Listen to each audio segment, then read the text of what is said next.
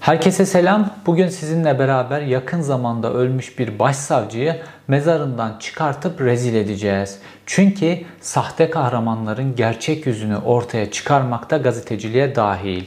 Şimdi öldükten sonra kahraman ilan edilen bu başsavcı gerçekte bir kahraman değil, Türkiye Cumhuriyeti'nin en seçkin kor generallerinden bir tanesini infaz etmiş bir adamdır. Onunla birlikte pek çok Türk Silahlı Kuvvetleri mensubunu da infaz etmiş bir adamdır.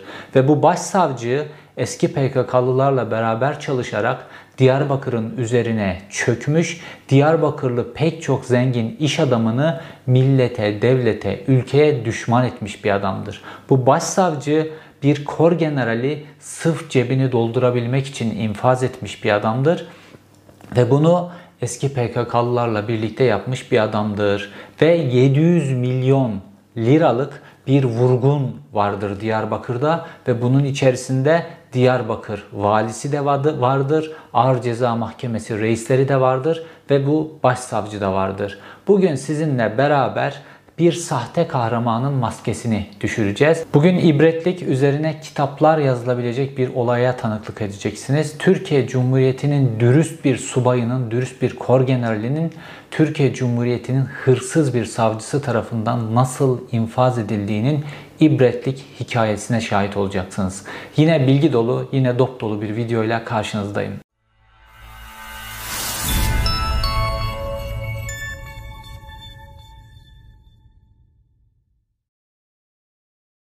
Başsavcının ismi Kamil Erkut Güre. Nisan ayının başında, Nisan 2022'nin başında hayata veda etti 55 yaşında. Kalp krizi geçirerek öldüğü açıklandı. Şimdi öldü mü yoksa başka bir şeyler mi oldu? Onun detaylarına birazdan geleceğiz. Fakat bu adam kahraman mı yoksa hain mi? Bu videonun sonunda kendiniz karar vereceksiniz. Çünkü bu adamın nasıl bir kor generalin hayatını mahvettiğini, bir kor generali nasıl infaz ettiğini ve bunu sırf para için yaptığını, sonra da bu oluşturdukları büyük para, büyük fonu nasıl gidip başkalarına kaptırdıklarını, belki de bunun kahrından öldüklerini, bunların hepsini film gibi bir hikayenin içerisinde bulacaksınız böyle kader adalet ediyor. Öyle enteresan işler oluyor ki peş peşe peş peşe peş peşe ve Diyarbakır'da gerçekleşiyor bunların hepsi. Şimdi Diyarbakır'da 15 Temmuz gününe götürmem gerekiyor sizi. Çünkü bütün bu vurgunu, bütün dönen dolapları, bir kor generalin hayatının karartılmasını filan anlayabilmemiz için hareket noktası 15 Temmuz. Şimdi Kamil Erkut Güre isimli savcı normalde 15 Temmuz'dan önce Düzce'de görevli. 15 Temmuz'dan birkaç gün önce tayini Diyarbakır'a çıkıyor ve Diyarbakır başsavcısı oluyor. İlk defa çok büyük bir ilin kritik bir başsavcılığı görevine geliyor. Normalde bu onun yedi sülalesine yetecek, övünülecek bir görev ama yok. Dertleri para ve bu para içinde neler yapacaklarını, ülkeye nasıl ihanet ettiklerine birazdan şahit olacaksınız. Şimdi bu Kamil Erkut Güre birkaç gün önce Diyarbakır'a gelmesine rağmen 15 Temmuz gecesi sanki herkesi tanıyor, kim hain, kim değil falan bunların hepsini çözmüş gibi 15 Temmuz gecesi 15 Temmuz'da bir anda ortalık karışınca ve Tayyip Erdoğan'ın o videolu açıklaması geldikten sonra polisleri hemen Diyarbakır'da hakim ve savcıların bulunduğu lojmana gönderiyor. Ve diyor ki bütün lojmanın etrafını sarın, dışarıya çıkan herhangi bir hakim savcı olursa vurun vurun talimatı veriyor. Neden? Çünkü hiç kimse çıkıp görevinin başına gitmemeli. Sadece tek o başsavcı olarak adliyede olmalı ki kahraman olsun.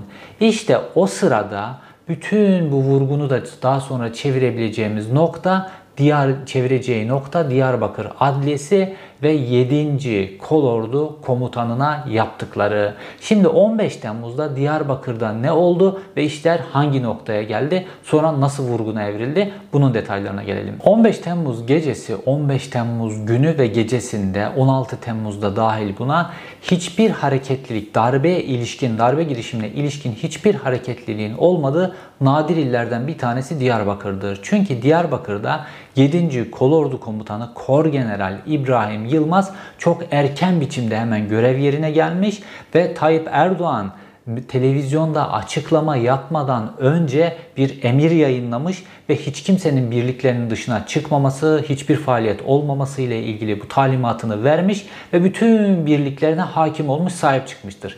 Şimdi 15 Temmuz gecesinde pek çok askerin böyle savrulması ve şu an hayatlarını hapiste geçirmelerinin sebebi o gece komutanlarının gösterdiği zafiyet. Pek çok yerde komutanlar görev yerine gitmediler, duruma baktılar filan ne olduğunu anlamaya çalıştılar ve asları kendilerine ulaşamadı. Ondan sonra kaos oldu pek çok yerde. Fakat e, Kor General İbrahim Yılmaz böyle değil. Görev yerine gidiyor ve bütün birliklerine sahip çıkıyor ve birliklerinde hiçbir hareket olmuyor.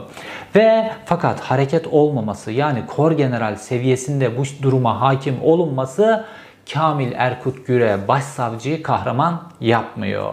Diyarbakır'da normalde darbe ilişkin hiçbir hareket olmamasına rağmen Kamil Erkut Güre 15 Temmuz'un hemen akabinde çok sayıda kitlesel asker tutuklamaları yapmaya başladı. Ve 3000 kişilik bir tutuklama yaptı çok kısa süre içerisinde. O gün normal olarak birliklerinde görevde bulunan, eline silah almamış, darbe hiçbir biçimde karışmamış, e, hiçbir biçimde araç sürmemiş, dışarı çıkmamış bütün askerler böyle Diyarbakır'da. Fakat bunlardan 3000 tanesini o gün görevde olanların hepsini ters kelepçeli biçimde ve işkencelerle vesaire bunlarla tutukladı. Fakat bu Kamil Erkut Güre'yi kahraman yapmaya yetmiyordu. Neden?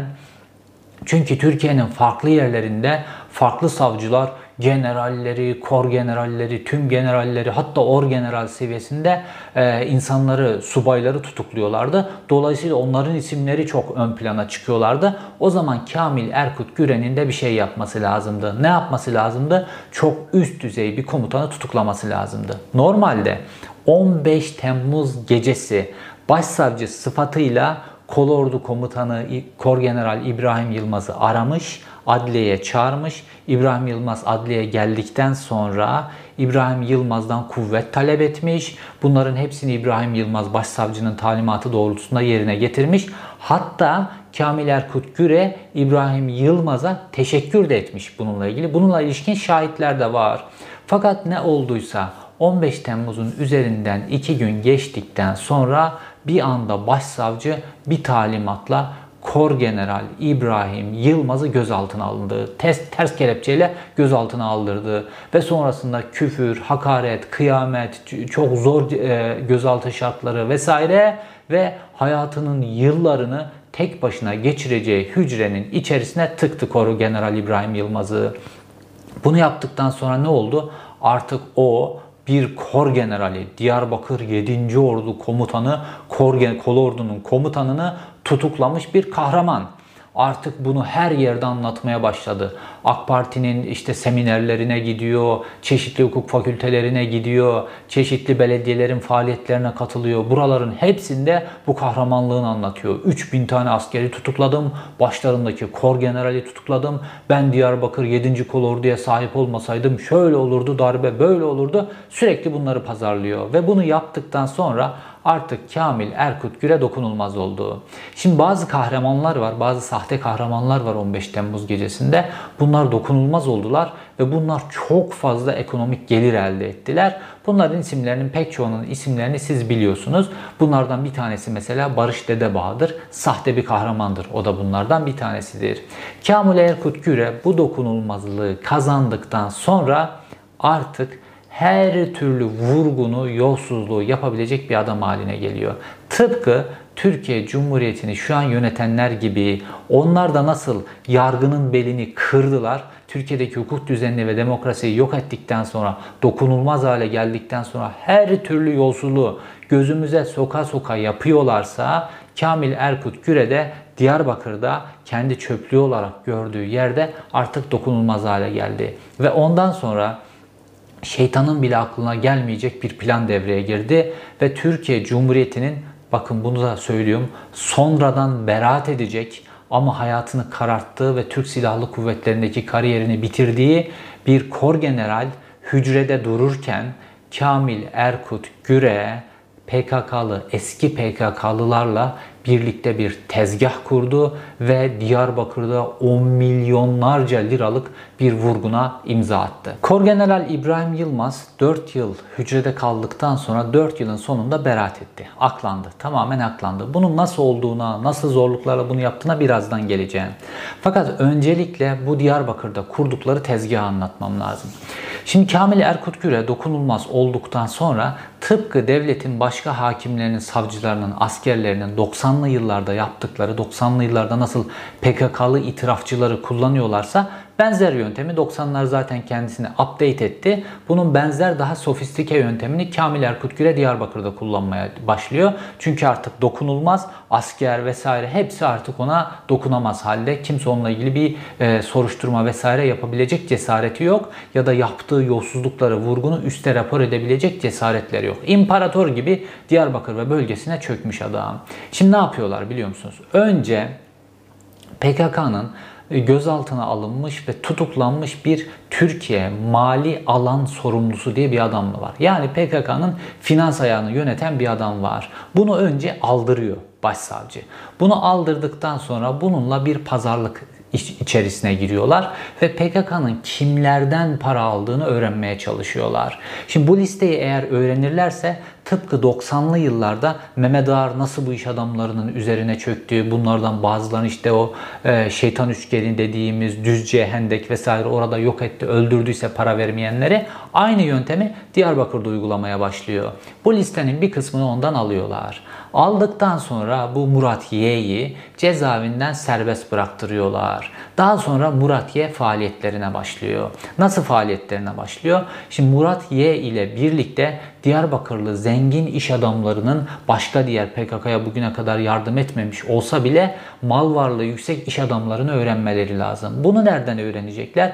Diyarbakır Sanayi ve Ticaret Odası'nda. Orada da Gülşen D isimli birisi var. Diyarbakır Ticaret ve Sanayi Odası'nda meclis başkan yardımcısı. Bundan da bu zengin iş adamlarının listesini alıyorlar ve ikisi de bu çarkın içerisinde. Yani bu ikili Başsavcıya Kamil Erkut Güre'ye hedef gösteriyorlar. Fakat çark şu şekilde kuruluyor. Şimdi bu Muratiye zaten Diyarbakır'da bilinen bir şey. PKK'nın işte finans vesaire para işlerine baktığı bilinen bir kişi. Ve bu kişi Diyarbakırlı bazı iş adamlarını görüşmeye çağırıyor. Bunlar görüşmeye çağrıldıktan sonra bunların önüne diyorlar ki işte örgüte bu sene bu kadar para vereceksin diyorlar. Bunlardan bir kısmı kabul ediyor, bir kısmı korkuyor, evet diyor, bir kısmı pazarlık yapıyor vesaire. Bunların hepsini Murat Yeğen'in o görüşmeyi yaptığı yere koydukları bir ses cihazıyla kaydediyorlar. Daha sonra normalde bu soruşturmaya mı dönüşüyor diyorsunuz? Hayır soruşturmaya dönüşmüyor. Daha sonra bu ses kaydı başsavcıya getiriliyor Kamil Erkut Güre'ye. Bu ses kaydının güzelce bir dinliyor Kamil Erkut Güre. Ondan sonra Kamil Erkut Güre bu iş adamını savcılığa davet ediyor. Savcılığa bu iş adamı geldikten sonra normal gözaltına vesaire aldırmıyor önce bunları mevcutlu olarak getiriyor e, başsavcılığa ve bunlara o PKK'lıyla PKK'nın halen daha mali alan sorumlusu olduğunu zannettikleri isimle yaptığı görüşmenin bütün detaylarını başsavcı anlatmaya başlıyor. Diyor ki PKK senden şu kadar para istemiş, şu gün, şu tarihte bu kadar para istemiş. Sen de buna karşılığında pazarlık yapmış, bu kadar vermişsin ya da vermişsin, vermemişsin, reddetmişsin, o olmuş, bu olmuş fakat böyle bir temas var. Fakat bütün oradaki konuşmanın detaylarını başsavcı anlatıyor. Dolayısıyla karşısındaki iş adamı ne düşünüyor? Bu adli olarak dinlemeye takılmış, delillendirilmiş. Dolayısıyla günümüzün Türkiye'sinde benimle ilgili terör örgütünü finanse, et, finanse etmek, terör örgütüne para vermekle ilgili bir dava geliyor. Dolayısıyla başsavcı panik oluyor. Dolayısıyla söz konusu iş adamı panik oluyor. Daha sonra başsavcının yanında kendisiyle birlikte bu çarkın içerisinde olan kişiler devreye giriyorlar. Ve bu iş adamının yanına gidip işin olurunu anlatmaya başlıyorlar. Diyorlar ki eğer devletimize, tabi bunlar hep devlet ağzıyla konuşuyorlar. Eğer devletimize şu kadar para verirsen açıktan biz senin devletimize, milletimize bağlı bir iş adamı olduğunu düşüneceğiz. Ondan sonra seninle ilgili bu dosya kapatılacak.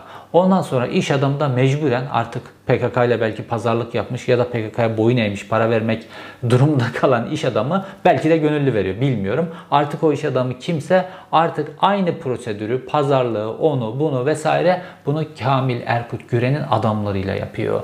Daha sonra bunlara paralar ödenmeye başlıyor.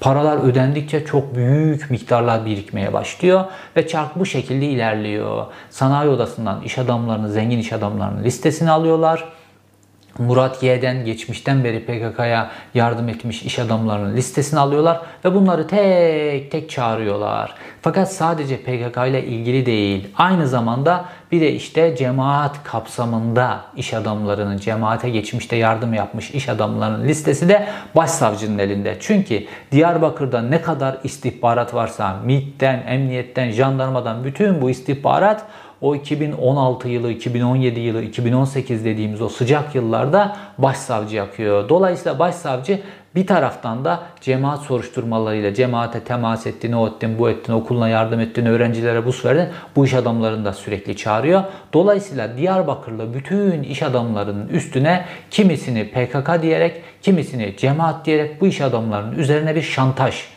e, mekanizması kuruluyor. Ve bazı iş adamları Diyarbakır'ı terk etmek zorunda kalıyorlar. Ve bu iş adamlarının pek çoğu artık öyle bir noktaya geliyorlar ki karşısında hani en son sığacağın, sığınacağınız yer adalet mekanizması fakat adalet mekanizmasının elinde böyle bir duruma düşmüşsünüz. Bu iş adamları, Diyarbakırlı iş adamlarını bu başsavcı resmen devlete, millete, halka düşman haline getiriyor. Fakat para biriktikten sonra, para giderek, giderek, giderek büyüdükten sonra öyle bir olay meydana geliyor ki işte bu çöktükleri 10 milyonlarca lira parayı avuçlarından kaçıracak bir tufanın içerisine düşüyor sefer başsavcı. Para havuzu böyle giderek büyüyor. Bürokratlara, ağır ceza mahkemesi reislerine. Bunların pek çoğu da bu işin içerisinde. Diyarbakır'daki ağır ceza reisleri de vesaire. Bunlar da işte bu iş adamlarına PKK'lı diyerek, kimi zaman cemaat diyerek çökülmesi vesaire. Bunlar da başsavcıyla birlikte ufak ufak yollarını buluyorlar. Fakat yollarını bulanlardan bir tanesi de dönemin Diyarbakır valisi Hasan Basri Güzeloğlu. Şimdi bu Hasan Basri Güzeloğlu da yolunu bulmasının sebebi Diyarbakır Büyükşehir Belediyesi'ne kayyum olarak atanması. Biliyorsunuz Diyarbakır Büyükşehir Belediyesi'ni HDP kazanmıştı. Daha sonra Hasan Basri Güzeloğlu Diyarbakır Büyükşehir Belediyesi'ne kayyum olarak atandı. Ve oradaki de zaten şatafatı, yolsuzlukları vesaire bunlarla ilgili pek çok haber çıktı. Buradan da Hasan Basri Güzeloğlu para biriktiriyor bir taraftan. Bir taraftan örgüt borsası kurulmuş, bir taraftan böyle devleti yolsuzlukla soyan bir borsa kurulmuş durumda. Fakat o dönemin şartları itibariyle bürokratların çok büyük büyük paraları birikmeye başlıyor. Fakat bu dönemde bürokratların bu paralarını işletmeleri için bir işletmeci ortaya çıkıyor. Bu da Zeyra Kuyumculuk dediğimiz kuyumculuk. Bu Zeyra Kuyumculuğun sahipleri de Zülfikar ve Zülfük, Zülküf Ortaç kardeşler. Zülfikar ve Zülküf Ortaç kardeşler. Şimdi bunlar Diyarbakır'da böyle bürokratların, önemli isimlerin vesaire küçük paralarını alıp işte altını, e, altın al sat işlerinde filan küçük küçük işleten kişiler. Dolayısıyla Diyarbakır valiliği vesaire adliyesi çerçevesinde bilinen biraz bilinen isimler. Fakat e, Kamil Erkut Güre bu kuyumcuyu tahsilat merkezi olarak kullanıyor. Yani Kamil Erkut Güre gidiyor bu Zeyra kuyumculuğa. Normal makam masasının orada iş yeri sahibinin masasına oturuyor ve söylüyor. Diyor ki şu iş adamı 10 milyon getirecek, şu iş adamı 50 milyon getirecek, şu iş adamı 500 bin getirecek, şu iş adamı 700 bin getirecek vesaire. Bunları böyle söylüyor. Sürekli liste veriyor buna ve bu liste çerçevesinde o iş adamları bu işte haklarındaki dosyanın kapatılması için rüşvet parasını bu iş adamları götürüyorlar Zeyra kuyumculuğa veriyorlar. Ve Zeyra kuyumculuğa böyle sürekli olarak nakit akışı başlıyor.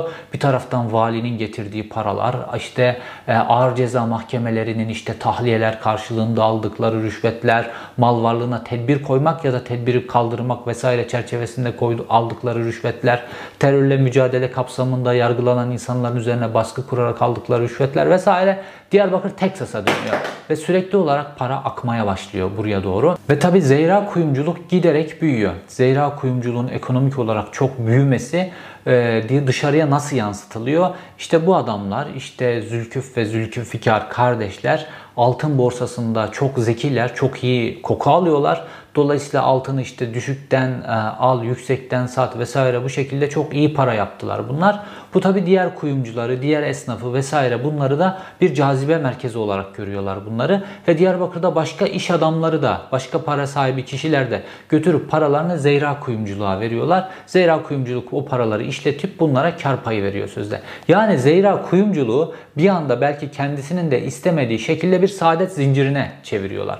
Hatta sadece Diyarbakır'daki kuyumcu esnafının kuyumcuların kendilerinin götürüp işlesin diye e, bu ortaç kardeşlere verdikleri paranın değeri 170 milyon TL. Bunlarla ilgili davalar açıldı. Dava dosyasından söylüyorum bu rakamları. Ve toplamda yine dava dosyasına baktığımız e, bu konuyla ilgili bilgilerin hepsini bir araya getirdiğimizde toplamda 780 milyon TL'lik bir para oluşuyor. Zeyra kuyumculuğun çatısının altında. Bunlardan bir kısmı yolsuzluk parası olarak bürokratların getirdiği paralar, bir kısmı savcıların, hakimlerin getirdiği e, paralar. Fakat büyük paralar bunlar, milyonlarca paralar. Bunlar böyle havuzda birikiyor. Ve tabi Zeyra kuyumculukta bir taraftan alsat da yapıyor. Borsada da altın borsası vesaire o tip işlemler de yapıyor. Ve pandemi dönemi geldiğinde 2020 yılında pandemi dönemi geldiğinde Artık Zehra kuyumculuk patlama noktasına geliyor. Neden? Çünkü zarar, bu yaptıkları işlemlerde zararlar var. Fakat bir taraftan para geldiği için bu zararları önemsemiyorlar. Fakat zarar vesaire giderek büyüyor. Ve sonrasında bunlar artık bu aldıkları parayı ödeyemeyeceklerini fark ettiklerinde yine savcılık dosyasına göre bankalarda bulunan kendi mevduatlarını nakit olarak çekmeye başlıyorlar. Ve bankalardaki bütün nakitlerini peyderpey sıfırladıktan sonra Zülküf ve Zülfikar kardeşler bir anda sırra kadem basıyor. Ortadan kayboluyorlar. Ortadan kaybolduktan sonra sistem patlıyor. Sistem patladıktan sonra işte bu başsavcının da bütün foyası ortaya çıkıyor. Diyarbakır valisinde bütün foyası ortaya çıkıyor. Fakat o dönem yayınlanan haberlere de bakın. İşte Zeyra kuyumculuk vurgunu vesaire diye e, haberler var webin arşivinde. Bunlarda şöyle ilginç bir ibare var. Diyor ki bürokratların para kaptırmama, kaptırmalarına rağmen şikayetçi olmamaları dikkat çekti diyor. Bürokratlar şikayetçi olamazlar çünkü kaptırdıkları paralar milyonlarla ifade ediliyor. Mesela Başsavcı Kamil Güren'in kaptırdığı para miktarı 60 milyon TL. Ve Diyarbakır valisi Güzeloğlu'nun kaptırdığı para 65 milyon TL. Şimdi bunlar maaşlı adamlar. Bunlar gidip Zeyra kuyumculuk aleyhine dava açsalar, şikayetçi olsalar bunlara denecek ki ya sen maaşlı adamsın. Nereden buldun bu kadar 60 milyonu, 30 milyonu, 65 milyonu nereden buldun bu paraları diye başları derde girecek. Dolayısıyla Nasıl hani ehliyetsiz sürücü böyle kırmızı ışıkta durur ehliyetsiz sürücü. O sırada arkadan birisi gelip çarpar. Ehliyetsiz sürücü kaçar ya. Bunlar da bu şekilde aynı şekilde paraları kaptırmışlar ama gidip şikayetçi olamıyorlar. Fakat yine polis mekanizmasını vesaire kullanarak bu adamları bir şekilde yakalarız, üzerlerine çökeriz ve ümüklerinden bu parayı alırız diye bir şekilde düşünüyorlar. Fakat Zeyra kuyumculuğun sahibi uzun süre sırra kadem basıyor. Bu arada bütün tezgah ortaya çıkıyor. Tezgah ortaya çıktığı andan itibaren bu tezgahı öğrenenlerden bir tanesi de tabii ki PKK. PKK bu tezgahı öğrendikten sonra Murat Ye de sırra kadem basıyor. Sonra tabi bu vurgun, bu şekilde tezgah vesaire bu tabii ki istihbarat örgütleri tarafından Ankara'ya rapor ediliyor. Ankara'ya rapor edildikten sonra Kamil Erkut Güre hemen Diyarbakır Başsavcılığından alınıp İzmir'e gönderiliyor. O İzmir'e gittiğinde ne oluyor biliyor musunuz? Onunla birlikte bu çarkı çeviren PKK'lı eski PKK'lıların hepsi de Muratiye dahil onlar da İzmir'e gidiyorlar. Niye İzmir'e gidiyorlar? Çünkü o İzmir'de başsavcı olduğu için onlarla ilgili bir soruşturma olsa ondan önce haberi olur. Orada oldukça onlara dokundurmaz vesaire. Tıpkı Diyarbakır'da olduğu gibi onlar da onunla birlikte İzmir'e gidiyorlar. Fakat hesaplayamadıkları şey İzmir'deki faslında kısa sürecek oluşu. Şimdi olayların geçtiği yer Diyarbakır. Diyarbakır farklı bir coğrafya. Ve normalde haberlerde öylesine normal anlatılıyor ki Zeyra Kuyumculuk diye birisi piyasadan 750 milyon vurmuş kaybolmuş ortadan. Diyarbakır'da 750 milyonu bu şekilde vurgun yaparsanız böyle sizin yaşama şansınız yok. Sizi diğer direkt vururlar. Diyarbakır gibi yerde bir tane kuyumcu piyasadan 750 milyon vuracak sonra da o kuyumcunun başına hiçbir şey gelmeyecek. Olay böyle değil.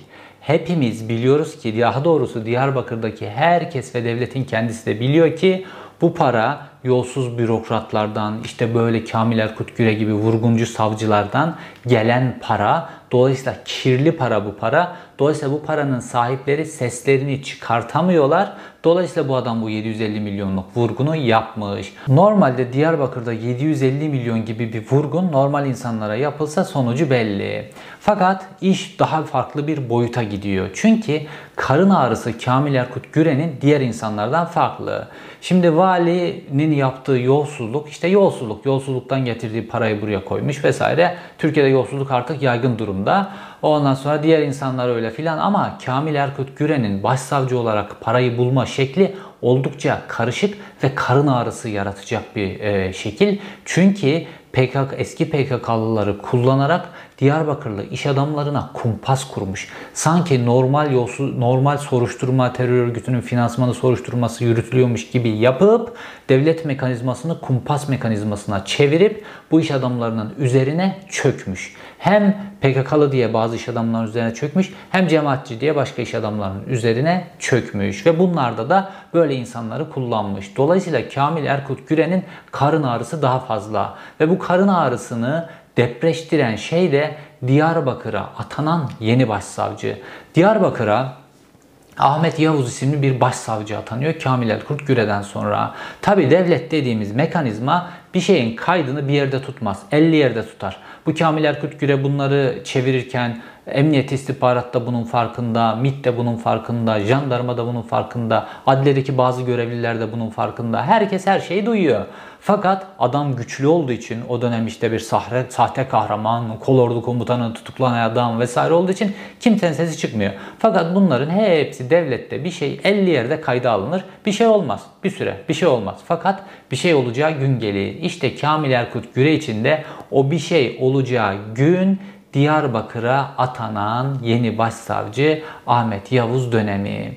Ahmet Yavuz diyor ki bu bilgileri aldıktan sonra ben bu adam hakkında dosya yapacağım diyor. Bu adam hakkında dosya yapacağı HSYK tarafından duyulduğu andan itibaren Kamil Erkut Güren'in İzmir günleri tak diye bitiyor. Çok kısa sürede bitiyor İzmir günleri. Ve hemen 2020'de İzmir'den doğrudan alındı. E, Yargıtay'a düz savcı yapıldı. Yani Diyarbakır Başsavcılığı yapmış birisinin ondan sonra İzmir'e gitmiş birisinin gideceği yer ya Ankara Başsavcılığıdır ya İstanbul Başsavcılığıdır ya işte Kartal Adliyesi'nde çok önemli bir pozisyondur ya Çağlayan Adliyesi'nde çok önemli bir pozisyondur. Fakat gönderildiği yer Yargıtay'a düz savcı. Yani önüne gelen kağıtlardan dosyalar okuyacak bir adama çevriliyor. Yani olabilecek en pasif pozisyona çekiliyor Kamil Erkut Güre'ye. Fakat Ahmet Yavuz dosyayı hazırlamaya devam ediyor. İşte bu dosyayı hazırlama sürecinde aniden bir bakıyoruz Kamil Erkut Güre düzenli spor yapan adam 55 yaşında sağlıklı ailesinin verdiği bilgilere göre hiçbir sağlık problemi bulunmayan adam bir anda ölüyor. Şimdi ölünce e, enteresan biçimde normalde yargıda sürekli olarak her gün vefatlar gerçekleşir ve bu adam da o sırada Yargıtay'da düz savcı fakat Adalet Bakanı Bekir Bozdağ bununla bu kişiyle ilgili özel olarak tweet attı. Ben hiç böyle bir tweet görmedim Adalet Bakanlığı'ndan. Böyle bir düz, önemsiz bir savcı ile ilgili. İşte Yargıtay savcımız Kamil Erkut Güre Ondan sonra vefa kalp krizi sonucu vefat etti. Başsağlığı diliyoruz vesaire vesaire. Ondan sonra bir anda e, spotlar yanmaya başladı. Kamil Erkut Güre'nin ismine. Ve bununla ilgili de işte bana kadar gelen bir araştırma sürecine girdim ben. Şimdi Kamil Erkut Güre artık 60 milyon TL'sini, e, kendisini, hayatını, kariyerini, şerefini, her şeyi riske atarak oluşturduğu bu 60 milyon TL'sini bu zeyra kuyumculuğa kaptırdı diye kahrından mı kalp krizi geçirdi?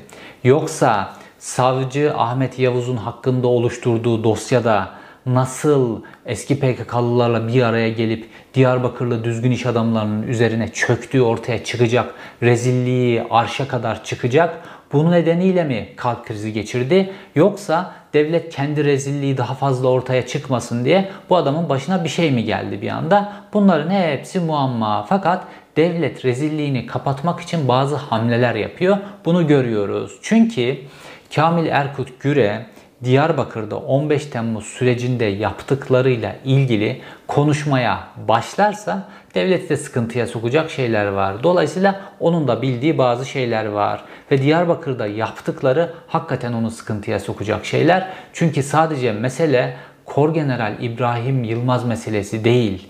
Diyarbakır'da yüzlerce, binlerce asker tutuklandı. Onlar kor general değildiler, düşük rütbelerdelerdi, as subaylardı, teğmenlerdi vesaire yüzbaşılardı. Bunların hayatını da kararttı. Sırf kendisi Diyarbakır'ın üzerine çökebilmek, cebini doldurabilmek için. Tıpkı Tayyip Erdoğan'ın bütün Türk Silahlı Kuvvetlerini mahvetmeyi göze alması gibi Kamil Erkut Güre de küçük bir Tayyip Erdoğan örneği olarak Diyarbakır'da bunu yaptı.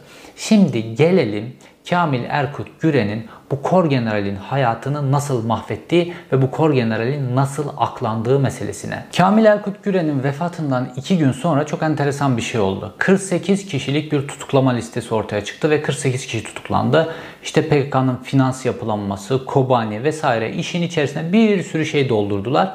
Fakat baktığımızda Kamil Erkut Güre ile birlikte Diyarbakır'da bu işleri çeviren adamları almışlar. Bunların yanına Kobani soruşturmasından başka soruşturmalardan işte Kürtlerle ilgili bunların içerisinde bunları da koymuşlar. Yani dosyayı büyütmüşler. Devlet rezillik başlı başına ortaya çıkmasın diye dosyayı karma karışık bir hale getiriyorlar.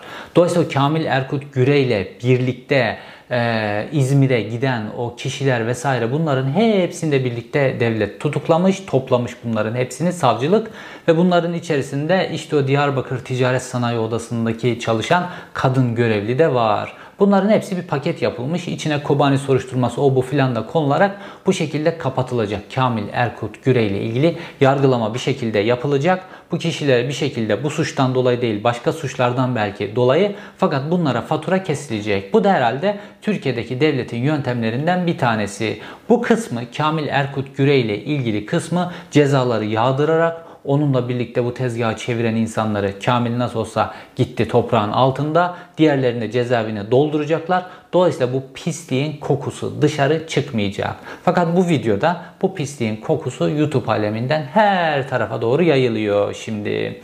Şimdi gelelim Kor General İbrahim Yılmaz konusuna. Normalde Kor General İbrahim Yılmaz diğer askerlerden daha uyanık davranıyor ve çok hızlı davranıyor gece.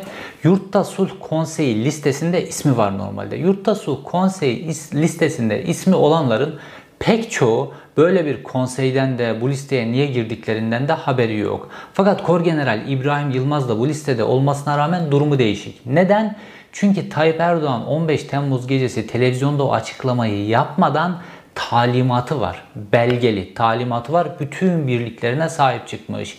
Bu yetmemiş. Valiyi o gece 14 kere aramış Diyarbakır valisini. Başsavcı gel demiş. Hemen başsavcının yanına gitmiş. Başsavcının talimatlarını uygulamış.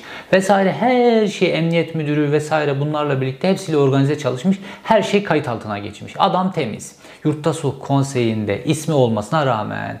Fakat Normalde görevine devam etti 15 Temmuz'dan sonra fakat birkaç gün sonra kahraman olmak için Kamil Erkut Güle bir anda bu adam hakkında Kor General İbrahim Yılmaz hakkında yakalama kararı çıkarttı. Ters kelepçelediler. Hakaret, küfürle götürüp onu bir hücreye tıktılar. Ve 4 yılı hücrede geçti. Kor General İbrahim Yılmaz'ın 4 yılı hücrede geçti. Peki yargılama süreci nasıl oldu? Dönemin valisi bu yolsuzluk yapan validen önce başka bir vali vardı. Ha bu arada Kamil Erkut Güre'yi nasıl böyle sürüyorlar ondan sonra Yargıtay'a çekip kıza çekiyorlar ya. Aynı şekilde bu pisliğe bulaşan o vali Güzeloğlu'nu da aynı şekilde merkeze çektiler hemen çok hızlı. Şu an Ankara'da merkez valisi olarak daha doğrusu İçişleri Bakanlığı'nın bir yerinde müfettiş falan gibi bir şey yaptılar. Şimdi İbrahim Yılmaz yargılama sürecinde sürekli olarak şahitler çağrılıyor. Ve gelen her şahit Korgeneral İbrahim Yılmaz'ın o gün kamu otoritesiyle birlikte hareket ettiği, hiçbir biçimde darbeye iştirak etmediği, birliklerine tam sahip çıktığına ilişkin ifadeler veriyor. 20 tane şahit geliyor bu şekilde ifadeler veriyor. Yetmiyor. Dönemin emniyet müdürü geliyor. Kolordu komutanı bizimle çok iyi çalıştı diyor. Dönemin valisi geliyor aynı şekilde veriyor. Dönemin MİT bölge başkanı geliyor aynı şekilde veriyor. Fakat tüm gelen şahitler mahkemeye aynı ifadeyi vermesine rağmen Diyarbakır 4. Ağır Ceza Mahkemesi Korgeneral İbrahim Yılmaz'ı bir türlü tahliye etmiyor. Tahliye etmiyor ve yargılamaya devam ediyor. Ve yargılama normalde işte bu e, başsavcının Diyarbakır, yolsuz Diyarbakır başsavcısının hazırlattığı iddianamede hakkında 3 tane ağırlaştırılmış müebbet ve 15 yıl hapis cezası isteniyor. 4 ayrı suçtan yargılanıyor. Ve nihayetinde yargılama bitiyor. Bütün şahitler lehine konuşmasına rağmen savcı bir mütalaa yazıyor. Mütalada lehine olan hiçbir şey yok. Ne var biliyor musunuz? Adliyeyi işgal davası. Yani başsavcı şahitler var. Başsavcı kor generali adliye davet ediyor. Adliyeye gidiyor fakat daha sonra adliyeyi işgal etmeye çalışmaktan hakkında dava açılıyor ve bununla ilgili ceza aldı. Ne kadar? 12,5 yıl. Yani adama cezayı verecekler. Niye? Çünkü o Diyarbakır 4. Ağır Ceza Mahkemesi de işte bu Zeyra kuyumculuk etrafında dönen vesaireler var ya o da onun içerisinde. Dolayısıyla başsavcıyla birlikte hareket etmek durumunda. Çeteler bunlar yani. Yargı vesaire diyemeyiz bunlara. Ve nihayetinde 3 ağırlaştırılmış muhabbet ve 10, müebbet ve 15 yıl hapis cezasından yargılanan Kor General İbrahim Yılmaz 12,5 yıl hapis cezasına çarptırıldı. Diyarbakır 4. Ağır Ceza Mahkemesi tarafından 2018 yılında. Sonrasında dosya işte Yargıtay'a gitti ve Yargıtay'a dosya gittiğinde bütün dosya gidiyor ya ifadeler vesaire bakıyorlar emniyet müdürü lehine konuşmuş. O emniyet müdürü hala görevde. MİT e, bölge başkanı lehine konuşmuş hala görevde. Vali konuşmuş, hala görevde, lehine konuşmuş, hala görevde. Gelen bütün şahitler lehine konuşmuş. Ayrıca Diyarbakır'da bir tane asker birliklerinden dışarı çıkmamış, bir tane e, askeri araç birliğinin dışına çıkmamış. Diyarbakır'da darbe ilişkin hiçbir faaliyet olmamış. Peki suç ne? Suç yok. Dolayısıyla Yargıtay kararı bozuyor. 12,5 yıl hapis cezasını bozuyor ve Kamil Erkut Güren'in e, pardon Korgeneral İbrahim Yılmaz'ın tahliyesine karar veriyor. Ve tam 4 yıl hücrede tek başına kalan Korgeneral tahliye oluyor. Sonrasında bozulan karar tekrar geliyor Diyarbakır Ağır Ceza Mahkemesi'ne ve Kor General'e 12,5 yıl veren Diyarbakır 4. Ağır Ceza Mahkemesi bu sefer Kor General'i beraat ettiriyor ve bu beraat kararı da kesinleşti. Şu an Kor General İbrahim Yılmaz'ın masum olduğu, hiçbir suça karışmadığı kesin olarak netleşmiş durumda. Kor General İbrahim Yılmaz beraat etti. Fakat ne oldu? Askerlik hayatı bitti. Şu an orgeneral olacaktı ve kuvvet komutanlığına gidecek bir kişiydi. Askerlik hayatı bitti. E, hayatından 4 yıl çalındı. 4 yıl hücrede kaldı. Sağlığını kaybetti belki. Ailesi perişan oldu. Bunun yol açtığı psikolojik travmalar var. Bunun ailesine yaşattığı travmalar var. Tutuklu bir kor generalin 15 Temmuz nedeniyle, darbe nedeniyle tutuklu bir kor generalin ailesinin Türkiye'de yaşayacağı, karşılaştığı durumları şöyle bir düşünün. Bunlara Türkiye'de en kötü muamele yapılmıştır. Tutuklu bu tip üst düzey subayların ailelerinin hepsine resmen sosyal ölüm politikaları uygulanıyor. Bunlar devlet dairelerine gittiklerinde bir iş yaptıramazlar. Çocuklarına iş verilmez. Komşuları, akrabaları, dostları bunlarla ilişkilerini keser. Herkes bunlara vebalı muamelesi yapar. Bu ailenin 4 yıl boyunca yaşadığını düşünün. Ve inanın beraat etmelerine rağmen bu tip baskıları, bu tip dışlanmaları filan halen daha yaşıyorlardır.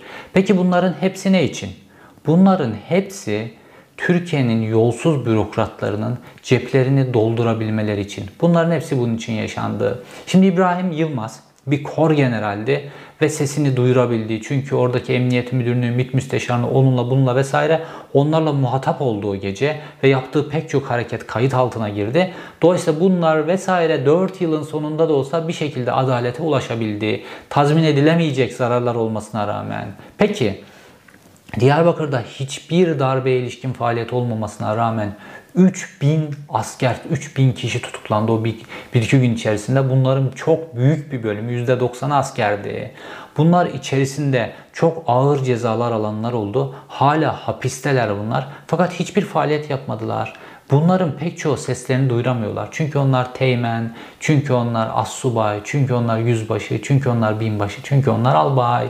Bir kor general kadar her şeyi kayıt altında tutabilecek pozisyonda değiller. Ve bunların hayatını kim yaktı? İşte bu Kamil Erkut Güre ve onun gibi isimler. Diyarbakır'da hiçbir darbe ilişkin faaliyet olmamasına rağmen sırf göze girebilmek için ertesi gün 3000 kişiyi ters kelepçeli vaziyette tutuklattı ve Diyarbakır'da inanılmaz ağır işkenceler oldu ve bu işkenceleri de bizzat bu başsavcı göze girebilmek için bizzat talimatıyla yürüttü.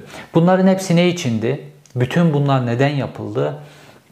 Kamil Erkut Güre devirin şartları gereği göze girebilmek için kahraman pozisyonuna gelebilmek için bunların hepsini yaptı ve bunun karşılığında çok yüksek miktarda paralar kazanabilecek PKK'lı eski PKK'lılarla birlikte bir çark oluşturdular.